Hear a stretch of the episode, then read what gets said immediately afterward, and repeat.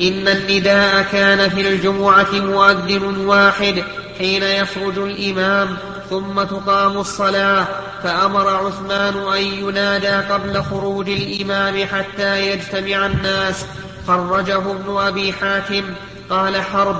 قلت لأحمد فالأذان يوم الجمعة إذا أذن على المنارة عدة. قال لا بأس بذلك. قد كان يؤذن للنبي صلى الله عليه وسلم بلال وابن أم مكتوم وجاء أبو محذورة وقد أذن رجل قبله فأذن أبو محذورة. وظاهر هذا أنه لو أذن على المنارة مؤذن بعد مؤذن جاز وهذا قبل خروج الإمام. وقال القاضي أبو يعلى أنه إنه يستحب أن يكون المؤذن للجمعة واحدا فإن أذن أكثر من واحد جاز ولم يكره ومراده إذا أذنوا, إذا أذنوا دفعة واحدة بين يدي الإمام أو أذنوا قبل خروجه تترى فأما إن أذنوا بعد جلوسه على المنبر مرة بعد مرة فلا شك في كراهته وأنه لم يعلم وقوعها في الإسلام قط. وكذا قال كثير من أصحاب الشافعي أنه إنه يستحب أن يكون للجمعة أذان واحد عند المنبر ويستحب أن يكون المؤذن واحدا. لأنه لم يكن يؤذن للجمعة للنبي صلى الله عليه وسلم إلا بلال. ونقل المحاملي هذا الكلام عن الشافعي. والذي نقله البويطي عن الشافعي يخالف ذلك. فإنه نقل عنه أنه قال النداء للجمعة هو الذي يكون والإمام على المنبر. يكون المؤذنون يكون المؤذنون يستفتحون الأذان فوق المنارة جملة حين يجلس الإمام على المنبر. ليسمع الناس فيؤوبون إلى المسجد. وهذا تصريح بأنهم يكونون جماعة وأنهم يؤذنون على المنارة لإسماع الناس لا بين يدي المنبر في المسجد. وقد خرج البخاري في صحيحه هذا في باب رجم الحبلى من حديث ابن عباس قال جلس عمر على المنبر يوم الجمعة فلما سكت المؤذنون قام فأثنى على الله. وذكر الحديث وروى, وروى عن المغيرة بن شعبة أنه كان له في الجمعة مؤذن واحد وخرج الإمام أحمد من رواية ابن إسحاق عن العلاء بن عبد الرحمن عن أبيه عن أبي سعيد الخدري عن النبي صلى الله عليه وسلم أنه قال إذا كان يوم الجمعة قعدت الملائكة على أبواب المسجد يكتبون من جاء فإذا أذن وجلس الإمام على المنبر طووا الصحف ودخلوا المسجد يستمعون الذكر وهذا لفظ غريب. وروى عبد الرزاق بإسناده عن موسى بن طلحة قال رأيت عثمان بن عفان جالسا على المنبر يوم الجمعة والمؤذنون يؤذنون يوم الجمعة وهو يسأل الناس عن, أس عن, أس عن أسعارهم وأخبارهم. ويحتمل أن يكون مراد من قال المؤذن بلفظ الإفراد الجنس الواحد الجنس للواحد فلا الجنس للواحد فلا تبقى فيه دلالة على كونه واحدا. إلى الآن ما ما وصلنا واحد الذي يريد هو ما ما ما, ما هو الزمن الذي بين الأول والثاني. هذا من ينتدب لتحريره. أيوب متى؟ إلى متى؟ ها؟ أسبوع؟ خير إن شاء الله. نعم. ها؟ طيب. أسبوع. ومن أراد أن يساعده؟ معه فليساعده ومن أراد أن يكتب وحده فليكتب. الأخ يعرض المساعدة. من؟ إيش؟ يعرض المساعدة. يعرض المساعدة. أي. طيب. ما في مال. ساعد نعم. باب يؤذن الإمام باب يؤذن الإمام باب يؤذن الإمام على المنبر إذا سمع النداء. حدثنا ابن مقاتل. عندي أنا نسخة مصححة. يجيب الإمام. أنا عندي. ها؟ يقول يجيب. يقول وفي نسخة يجيب الإمام أن يقول مثل ما يقول. نعم. حدثنا ابن مقاتل. قال أخبرنا عبد الله. قال أخبرنا أبو بكر بن عثمان بن سهل بن حنيف عن أبي أمامة بن سهل بن حنيف قال سمعت معاوية بن أبي سفيان وهو جالس على المنبر أذن المؤذن فقال الله أكبر الله أكبر. قال معاوية الله أكبر الله أكبر. قال أشهد أن لا إله إلا الله.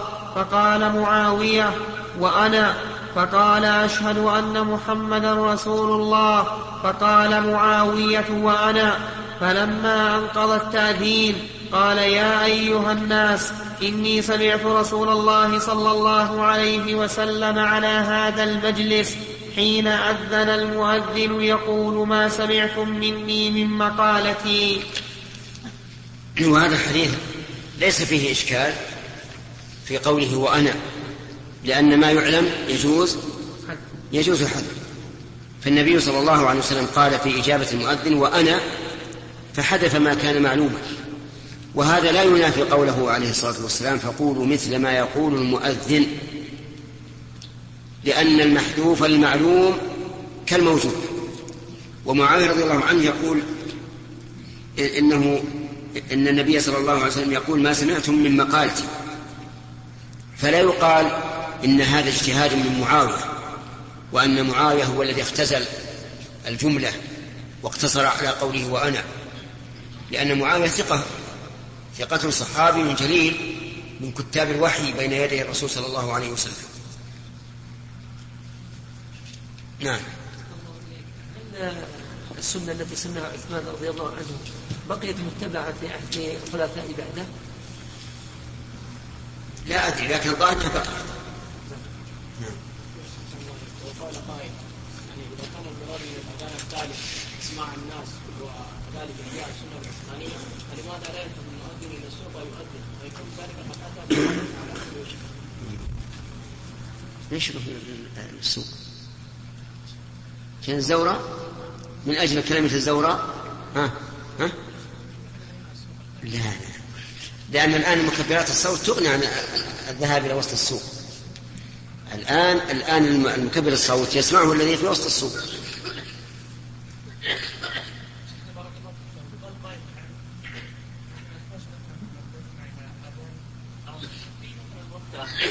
فهل نقول له يشرع هذا أن يسد الباب على أن عثمان واتباع الصحابة رضي الله عليهم وأطفالهم له لفعله هذا حجة. وفعل هذا يحتاج بحجة قوية من عثمان.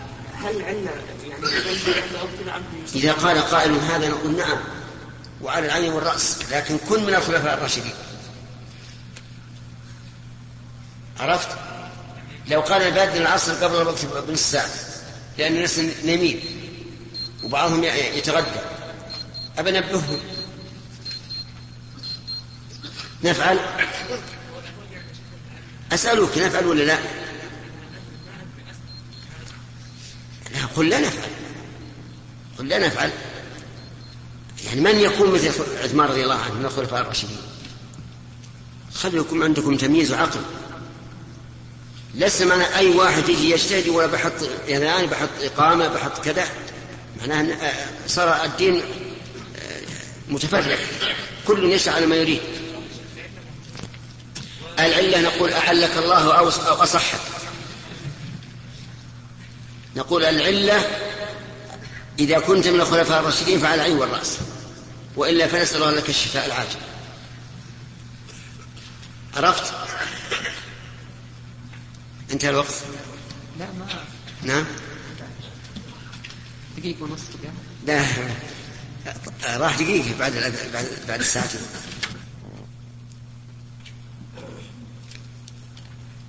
أنا نشوف إن شاء الله تعالى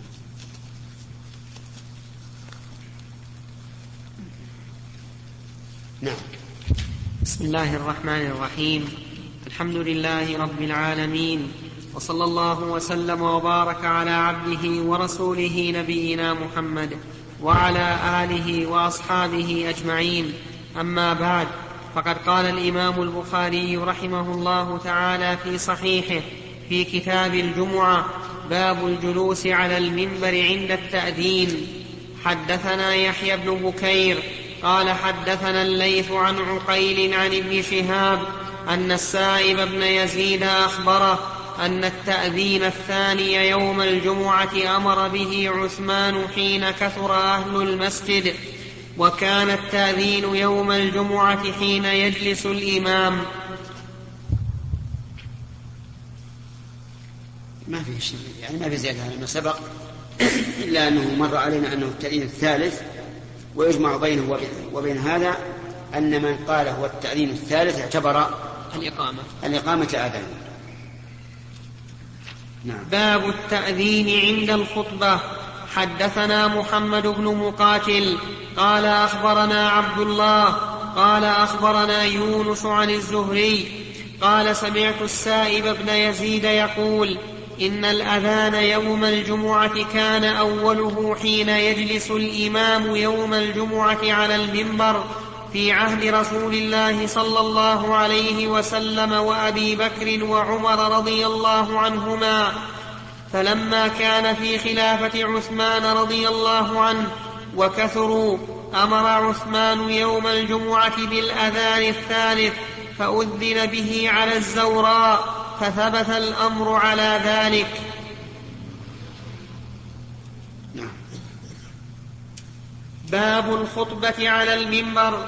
وقال أنس رضي الله عنه خطب النبي صلى الله عليه وسلم على المنبر. حدثنا قتيبة بن سعيد. قال حدثنا يعقوب بن عبد الرحمن بن محمد بن عبد الله بن عبد القاري القرشي الاسكندراني قال حدثنا أبو حازم بن دينار أن رجالا أتوا سهل بن سعد الساعدي وقد امتروا في المنبر من معوده فسألوه عن ذلك فقال والله إني لأعرف مما هو ولقد رأيته أول يوم وضع وأول يوم جلس عليه رسول الله صلى الله عليه وسلم. أرسل رسول الله صلى الله عليه وسلم إلى فلانة امرأة قد سماها سهل مري غلامك النجار أن يعمل لي أعوادا أجلس عليهن إذا كلمت الناس. فأمرته فعملها من طرفاء الغابة ثم جاء بها فأرسلت إلى رسول الله صلى الله عليه وسلم فأمر بها فوضعت ها هنا. ثم رأيت رسول الله صلى الله عليه وسلم صلى عليها وكبر وهو عليها ثم ركع وهو عليها ثم نزل القهقرى فسجد في أصل المنبر ثم عاد. فلما فرغ أقبل على الناس فقال أيها الناس إنما صنعت هذا لتأتموا بي ولتعلموا صلاتي بسم الله هذا الحديث فيه مشروعية الخطبة على المنبر وذلك لفائدتين الفائدة الأولى أنه أبعد للصوت أي لنفوذ الصوت والثانية أن الإنسان إذا رأى المتكلم كان ذلك أثبت في فهمه أي فهم ما يتكلم به وهذا واضح. قيسوا هذا الأمر بين أن تسمعوا الخطبة من مسجل وأن تسمعوها والخطيب يخطب. أيهما أشد تأثيرا؟ الثاني الثاني بلا شك. حتى إن بعض الناس يتأثر تأثرا كبيرا أثناء الخطبة ثم يطلب الشريط ثم إذا سمع الشريط قال سبحان الله هذه الخطبة اللي سمعت لأنها لا تؤثر عليه شيئا. لهذا كان الأولى أن الإنسان يقوم أمام الناس. لأن ذلك أشد تأثيرا. وفيه أيضا أنه لا بأس أن يسأل الإنسان المسألة ولا يدخل في النهي إذا كان يسأل للمصلحة العامة. لأن النبي صلى الله عليه وسلم أمر المرأة الأنصارية أن تأمر غلامها أن يصنع له أعوادا من الخشب لإيش؟ لمصلحته لبيته لا لمصلحة لمصلحة العامة. ولا يعد هذا من السؤال المذموم. كما أنه لا يعد من السؤال المذموم إذا كنت ترى أن الذي تسأله يفرح بذلك ويرى أن لك المنة عليه. وهذا يقع كثيرا. كثير من الناس مثلا يتمنى أن فلانا يأمره بشيء. فهل يدخل هذا في السؤال المذموم؟ لا. بل قد يدخل في السؤال المندوب. أن تدخل السرور على أخيك. وفي أيضا آه، من فوائده أولا قبل أن أخذ الفائدة هذه آه، فيه الطرفة تعرفونها؟ ها؟ مثل الأثر. الطرفة مثل الأثر. الأثر تعرفونه؟ لا؟ عجيب ما تعرفون شيء. اطلع شوي بال هنا بس مع الطريق هذا. إذا انتهيت من النخل جاءتك الأثر. نعم. كلنا نعرفها نعم. عود من الأثر جيب أثر كبيرة. على كل حال الأثر معروف والطرفة قريب منه لكنها الطرفة أقوى من الأثر. إلا أنها ليست تتضخم كما يتضخم الأثر. يعني ما تكبر وتطول لكنها أعوادها قوية جدا. وفي أيضا في هذا الحديث دليل على جواز تسمية الخطبة كلاما لقوله صلى الله عليه وسلم إذا كلمت الناس. ثم فسر هذا الكلام بالخطبة عليه في يوم الجمعة. قد يقال إن الرسول أراد إذا كلم الناس في الخطبة وغيرها وأنه آه، من باب التغليب. فيقال لا يمكن أن يفسر هذا بأنه من باب التغليب مع أن أول ما فعل عليه آه، الخطبة. وفي أيضا من فوائد هذا الحديث آه، جواز الحركة في الصلاة لمصلحة المصلين. لأن الرسول صلى الله عليه وسلم كان يتحرك. كم يتحرك من مرة؟ في كل ركعة يتحرك حركتين. في الرباعية؟ لا ثمان حركات. يتحرك يقوم على المنبر ويركع ثم ينزل ويسجد. ثم يقوم على المنبر ثم ينزل ويسجد حركات كثيرة. فيكون فيه رد لقول من يقول إنه إذا تحرك في الصلاة ثلاث حركات بطلت صلاته إذا لم يقيدوها بأنها متوالية. أما إن قيدوها بأنها متوالية فالحديث لا يرد عليه. لكن الصواب أن العبرة بذلك العرف. ومن ومن فوائد هذا الحديث أيضا آه، أنه ينبغي الإنسان إذا صنع أمرا غريبا على الناس ولا سيما في العبادة محمد حامد. معي؟ آه، فإنه ينبغي أن ينبههم على ذلك. أن ينبههم على ذلك. لتطمئن قلوبهم ولئلا يبقوا في حيرة. ولنفرض أن الإمام سجد سجود السهو لسهو خفي على المأمومين. فهنا ينبغي أن يقول إنما سجدت لأني تركت التسبيح مثلا من أجل إيش؟ أن يطمئنوا وحتى لا يقال ما الذي حصل؟ وكل شيء يدخل الطمأنينة على إخوانك ويزيل القلق والحيرة فيهم فإنه أمر مطلوب. فالذي ينبغي الإنسان أن يشعر بشعور الناس. وفي أيضا دليل على أن أفعال الرسول عليه الصلاة والسلام ولا سيما في العبادات أسوة يقتدى به فيها لقوله ولتعلموا صلاته. وربما يكون في الحديث أيضا إشارة إلى أن الرسول عليه الصلاة والسلام لا يفرق أو لا يميز بين التكبيرات في الصلاة لأنه لو كان هناك تمييز لعلم بصفة التكبير. ولهذا تجد الذي يستعمل التمييز ما يغلط الناس. وراء. إذا قال الله أكبر يعني آه، نعم جلوس. وكثير من المصلين يعني بعض الأئمة بعض الأئمة ما هو كثير منهم بعض الأئمة يفرق بين كل تكبير. تكبيرة الحرام لها شكل والركوع له شكل والسجود له شكل والتشهد له شكل يعني بحيث إن الإنسان يعرف تماما وإن لم يكن يرى الإمام ماذا عليه الإمام.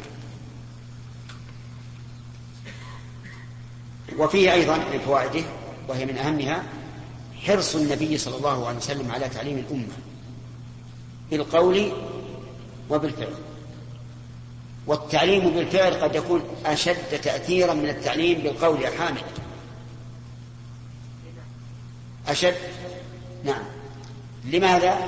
لأن التعليم بالفعل يكون فيه السماع والرؤية والرؤية توجب أن ينطبع ذلك إيش؟ في القلب. تجد إنسان يقول شاهد كأني أشاهده نعم.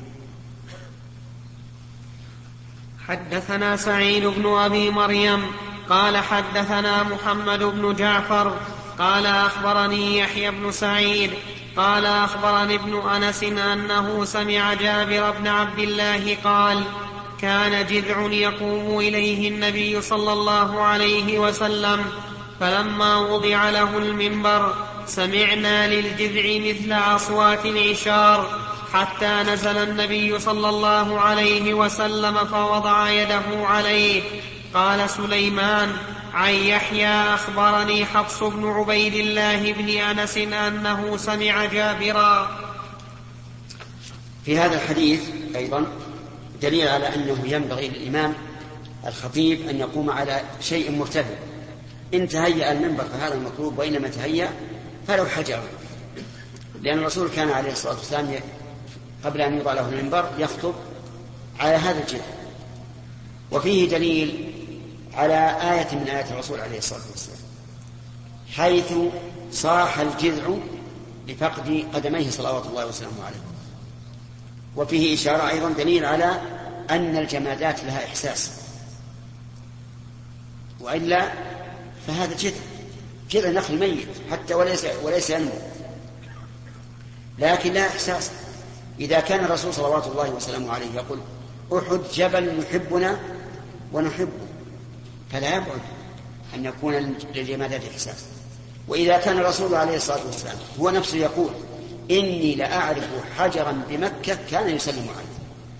سبحان الله حجر يسلم على الرسول عليه الصلاة والسلام. نعم. وهذا من آيات الله. وقالوا لجلود وقالوا لجلودهم لما شهدتم علينا؟ قالوا أنطقنا الله الذي أنطق كل شيء. كل شيء ينطقه الله عز وجل. لأنه رب كل شيء وأمره إذا أراد شيئا أن يقول له كن فيكون. وفي أيضا أن الرسول عليه الصلاة والسلام يحس بإحساس حتى حتى الجمال. نزل الرسول من المنبر وضع يده عليه وسكته حتى سكت. سبحان الله. يعني كأنه صبي صاح فهدأته أمه فإذا قال قائل كيف الرسول ينزل ويسكته وهو جمال قلنا لأنه لما صح وصار له صوت الإشار يعني الإبل العشراء علم أن له إحساسا. وأنه سوف يسكت إذا سكت. ونظيره ما حصل لموسى عليه الصلاة والسلام. موسى تعلمون أن بني إسرائيل كانوا يغتسلون عراة. وكان موسى عليه الصلاة والسلام يغتسل خاليا فقالوا إن موسى لم يختف عنا ويغتسل كما يغتسل عاريا إلا لأنه مصاب بالأدرة يعني كبر الخصية. فآذوه. فأراد الله عز وجل أن يريهم ذلك بغير اختيار من موسى. جعل يغتسل ووضع ثوبه على حجر. فهرب الحجر بالثوب. هرب به. فجعل موسى يشتد وراءه. يناديه ثوب حجر ثوب حجر. والحجر سبحان الله يشتد في السعي حتى وصل إلى الملأ من بني إسرائيل. وحينئذ ماذا يفعل موسى؟ اضطر إلى أن يشاهدوه. فلما أدركه جعل يضربه. موسى يضرب الحجر. كيف يضرب حجرا وهو جماد؟ لأنه فعل فعل الحيوان ذي الإرادة. هرب بثوب. فأراد أن يعزره بالضرب. نعم. هل يؤخذ من ذلك ما نفعله ويفعله غيرنا؟ إذا سقط الصبي على الأرض أو ضربته خشبة أو شيء جعلنا نضرب الأرض. نقول تبي نضربه؟ فالصبي يقول نعم فنضربها. نعم تهدئة له. الظاهر إنه لا بأس به لكن في أخذها من هذا الحديث شيء من القلق. لكن لا لا حرج. ما دام الصبي يهدأ ففيه خير إن شاء الله. نعم. المهم ان أن قصدي أن الأنبياء عليهم الصلاة والسلام رعايتهم للخلق أكمل رعاية. حتى الجمادات يراعونها. نعم. إيش؟ في الحديث السابق وأول يوم جلس عليه رسول الله صلى الله عليه وسلم إلى فلان.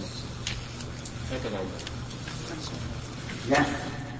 عندي واول يوم جلس عليه أرسل رسول الله إلى فلان. الحق؟ نعم.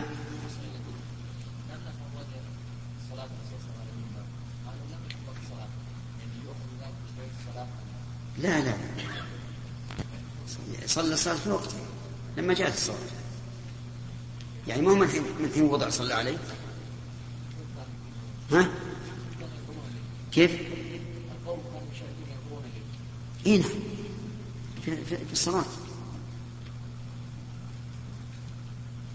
وكان الصحابة رضي الله عنهم خلف الرسول ينظرون إليه. حتى لما قيل لهم من الذي علمكم أنه يقرأ قالوا عرفنا ذلك باضطراب لحيته وحتى في صلاة الكسوف قال لهم لما رأيتموني تقدمت لما رأيتموني تأخرت. نعم الجاري. ها؟ يراه الناس. أي نعم ثلاث درجات. مع وقوف الخطيب يراه الناس كلهم. إذا زاد على فهل واجب إيش؟ إذا؟ إذا زاد المنبر على ثلاث درجات فهل واجب أن قد يقال بحسب الحاجة. ربما يكثر الناس ويتسع المسجد يحتاج إلى إلى منبر كثير آه يعني رفيع. وأنا شاهدت المنبر في المسجد الحرام آه يمكن فيه من من 15 درجة إلى 20 درجة. مرتفع مرة قبل أن تأتي مكبرات الصوت. كان يخطب عليها الخطيب وكان يرمي بكلماته رميا يعني ما يكون سلسا يقول الحمد لله بصوت مرتفع. الذي لأن, المسجد واسع وتعرفون المسجد الحرام غير غير مسقف يتفرق فيه الصوت. لكن الحمد لله بعد أن جاء الله بهذه المكبرات شاح الناس. نعم. ثلاث. وانتهى الوقت. انتهى. ما انتهى يا شيخ باقي خمس دقائق. لا ما في لا ما في أسئلة. حدثنا آدم قال حدثنا ابن أبي ذئب عن الزهري عن سالم عن أبيه قال سمعت النبي صلى الله عليه وسلم يخطب على المنبر فقال من جاء إلى الجمعة فليغتسل. الشاهد قوله يخطب على المنبر. باب الخطبة قائما. وقال أنس بين النبي صلى الله عليه وسلم يخطب قائما.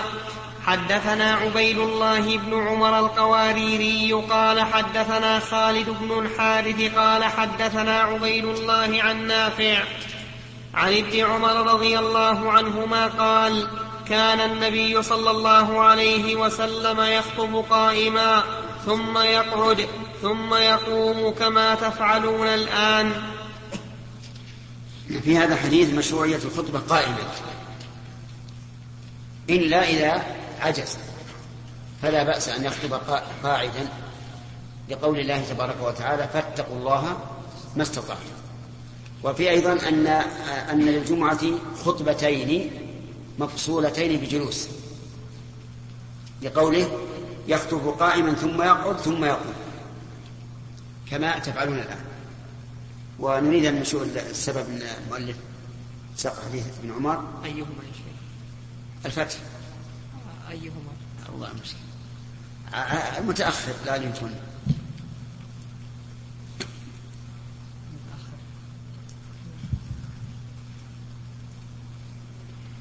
قوله باب الخطبة قائما.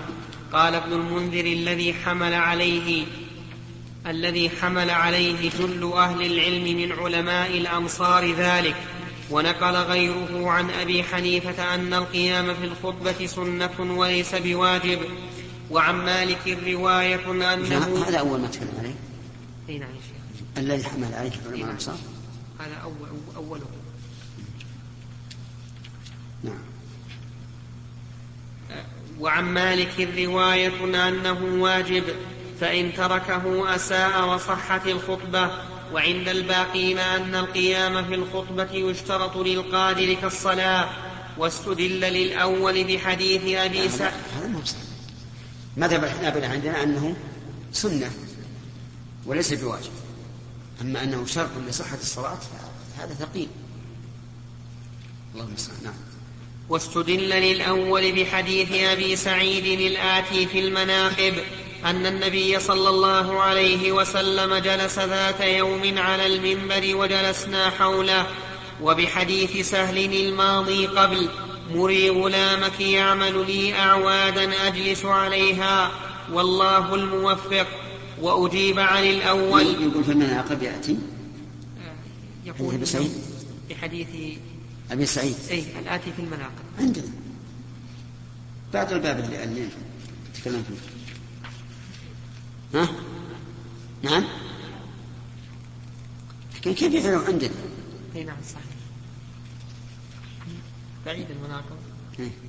نعم نعم وأجيب عن الأول أنه كان في غير خطبة الجمعة وعن الثاني باحتمال أن تكون الإشارة إلى الجلوس أول ما يصعد وبين الخطبتين واستدل للجمهور بحديث جابر بن سمرة بحديث جابر بن سمرة المذكور وبحديث كعب بن عجرة أنه دخل المسجد وعبد الرحمن بن أبي الحكم يخطب قاعدا فأنكر عليه وتلا وتركوك قائما. وفي رواية ابن خزيمة ما رأيتك اليوم قط إماما يوم المسلمين يخطب وهو جالس يقول ذلك مرتين وأخرج ابن أبي شيبة عن طاووس. خطب رسول الله صلى الله عليه وسلم قائما وأبو بكر وعمر وعثمان وأول من جلس على المنبر معاوية وبمواظبة النبي صلى الله عليه وسلم على القيام وبمشروعية الجلوس بين الخطبتين. فلو كان القعود مشروعا في الخطبتين ما احتيج إلى الفصل بالجلوس ولأن الذي نقل عنه القعود كان معذورا فعند ابن أبي شيبة من طريق الشعبي أن معاوية إنما خطب قاعدا لما كثر شحم بطنه ولحمه وأما من احتج بأنه لو كان شرطا ما صلى وأما من احتج بأنه لو كان شرطا ما صلى من أنكر ذلك مع القاعد فجوابه أنه محمول على أن من صنع ذا أن من صنع ذلك خشي الفتنة أو أن الذي قعد قعد باجتهاد كما قالوا في إتمام عثمان الصلاة في السفر. وقد أنكر ذلك ابن مسعود ثم إنه صلى خلفه فأتم معه واعتذر بأن الخلاف شر. قوله وقال أنس إلى آخره هو طرف من حديث الاستسقاء أيضا وسيأتي في بابه. ثم أورد في الباب حديث ابن عمر وقد ترجم له بعد بابين القعدة بين الخطبتين وسيأتي الكلام عليه. ثم وسيأتي, على وسيأتي الكلام عليه ثم وفي الباب حديث وفي الباب حديث جابر بن سمرة أن رسول الله صلى الله عليه وسلم كان يخطب قائما ثم يجلس ثم يقوم فيخطب فيخطب قائما فمن نبأك أنه كان يخطب جالسا فقد كذب أخرجه مسلم وهو أصرح في المواظبة من حديث ابن عمر إلا أن إسناده ليس على شرط البخاري. وروى ابن أبي شيبة من طريق طاووس قال أول من خطب قاعدا معاوية حين كثر شحم بطنه وهذا مرسل يعضده ما روى سعيد بن منصور عن الحسن. قال أول من استراح في الخطبة يوم الجمعة عثمان وكان إذا أعيا جلس ولم يتكلم حتى يقوم وأول من خطب جالسا معاوية وروى عبد الرزاق عن معمر عن قتادة. صار عثمان رضي الله عنه يلاحظ إنه إذا أعيا وتعب جلس وسكت لئلا يخطب وهو وهو قاعد أما معاوية فالظاهر والله أعلم أنه يعجز عن القيام ولو مدة يسيرة فلهذا كان يخطب قاعدا من أول الأمر. وروى عبد الرزاق عن معمر عن قتادة أن النبي صلى الله عليه وسلم وأبا بكر وعمر وعثمان كانوا يخطبون يوم الجمعة قياما حتى شق على عثمان القيام فكان يخطب قائما ثم يجلس فلما كان معاوية خطب الأولى جالسا والأخرى قائما ولا حجة في ذلك لمن أجاز الخطبة قاعدا لأنه تبين أن ذلك للضرورة. على كل حال الصحيح أن الخطبة قائما افضل لا شك. اولا لأنه أبين ولأنه أعون للإنسان على الكلام. الذي يريد ان يتكلم ارتجالا ولأن ولي وليتبين الفصل بين إيش؟ بين الخطبتين. أما أن نجعله شرطا لصحة الخطبة والخطبة شرط لصحة الصلاة وبناء على ذلك إذا خطب قاعدا فإنه لا تصح صلاته. ويجاب عن ذلك بأن الناس صلوا خلف معاوية من أجل أن لا يكون خلاف كما صلوا خلف عثمان من أجل أن لا يكون خلاف ففيه نظر. فالصواب أن الخطبة قائما سنة وليست بواجب. لكن ينبغي للخطيب إذا عرف من نفسه أنه سيبقى دائما عاجزا أن يتنازل ويدع المنبر لغيره. أما إذا كانت وعكة يسيرة حصلت مثلا في يوم من الجمعة فهذه ربما يقال يعفى عنها. والله أعلم. أما بعد فقد قال البخاري رحمه الله تعالى في صحيحه في كتاب الجمعة حدثنا آدم قال حدثنا ابن أبي ذئب. في أي باب؟ في باب الخطبة على المنبر. نعم آخر حديث. نعم ماشي حدثنا آدم قال حدثنا ابن أبي ذئب عن الزهري عن سالم عن أبيه قال سمعت النبي صلى الله عليه وسلم يخطب على المنبر فقال من جاء إلى الجمعة فليغتسل. الشاهد قول يخطب على المنبر فدل ذلك على استحباب صعود الإمام الذي يخطب على المنبر حتى يبدو للناس ويشاهدوه ويسمعوه أكثر مما لو كان غير مرتفع. نعم. باب الخطبة قائما وق... نعم.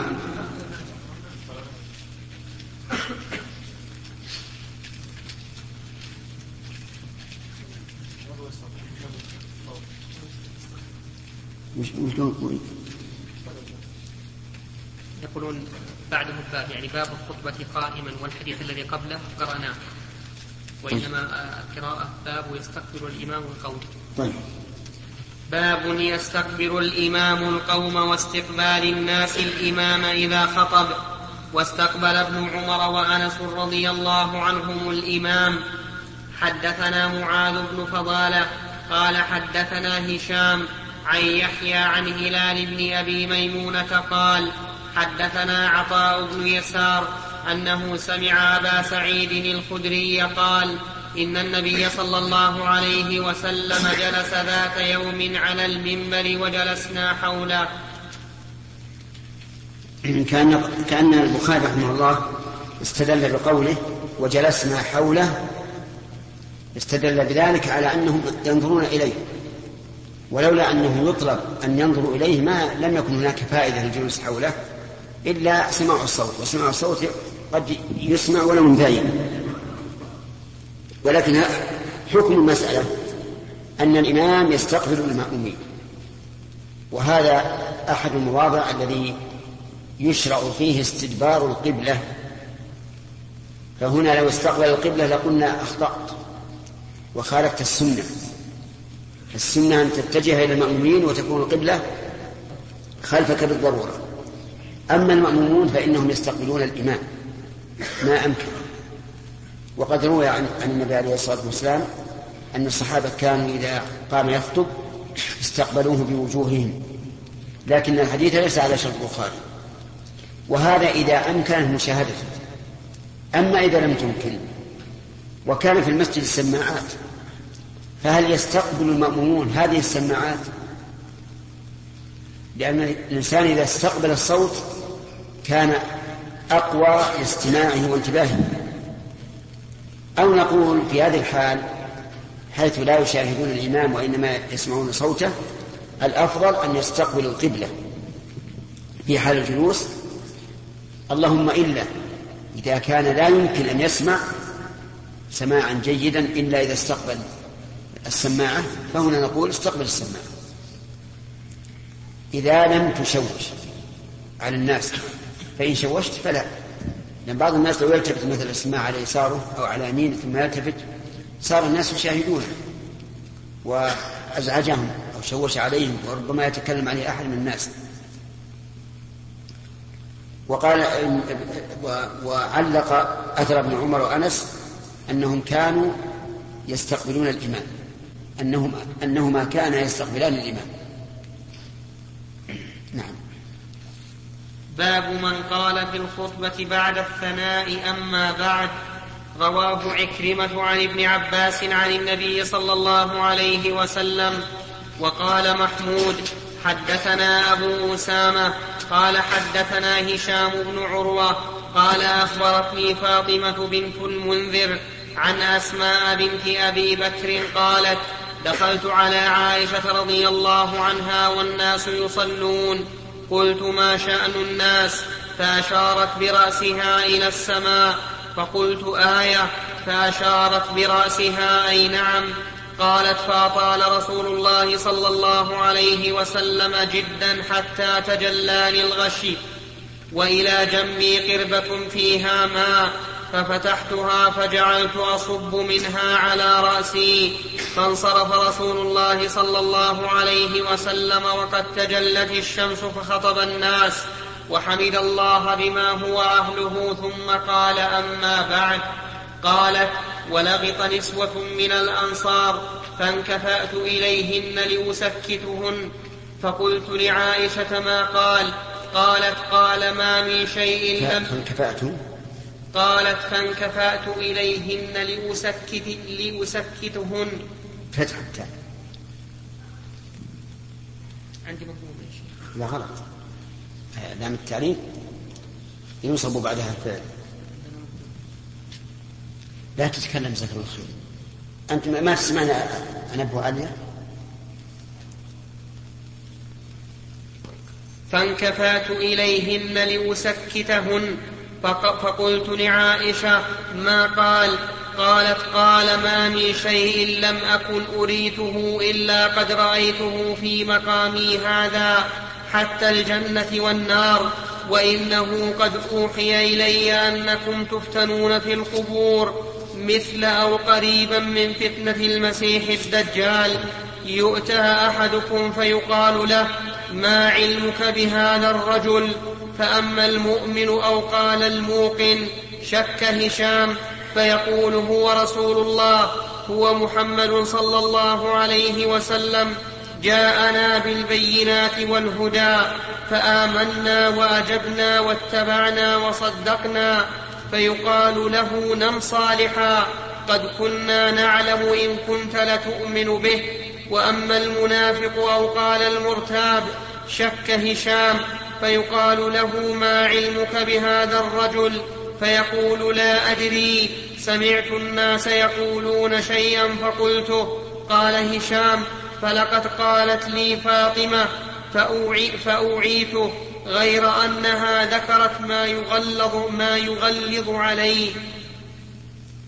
يعني هذا الذي هذا الذي قال سمعت سمعت الناس يقولون شيئا فقلت هشام نسي إلا أنه ذكر أنه يغلظ عليه.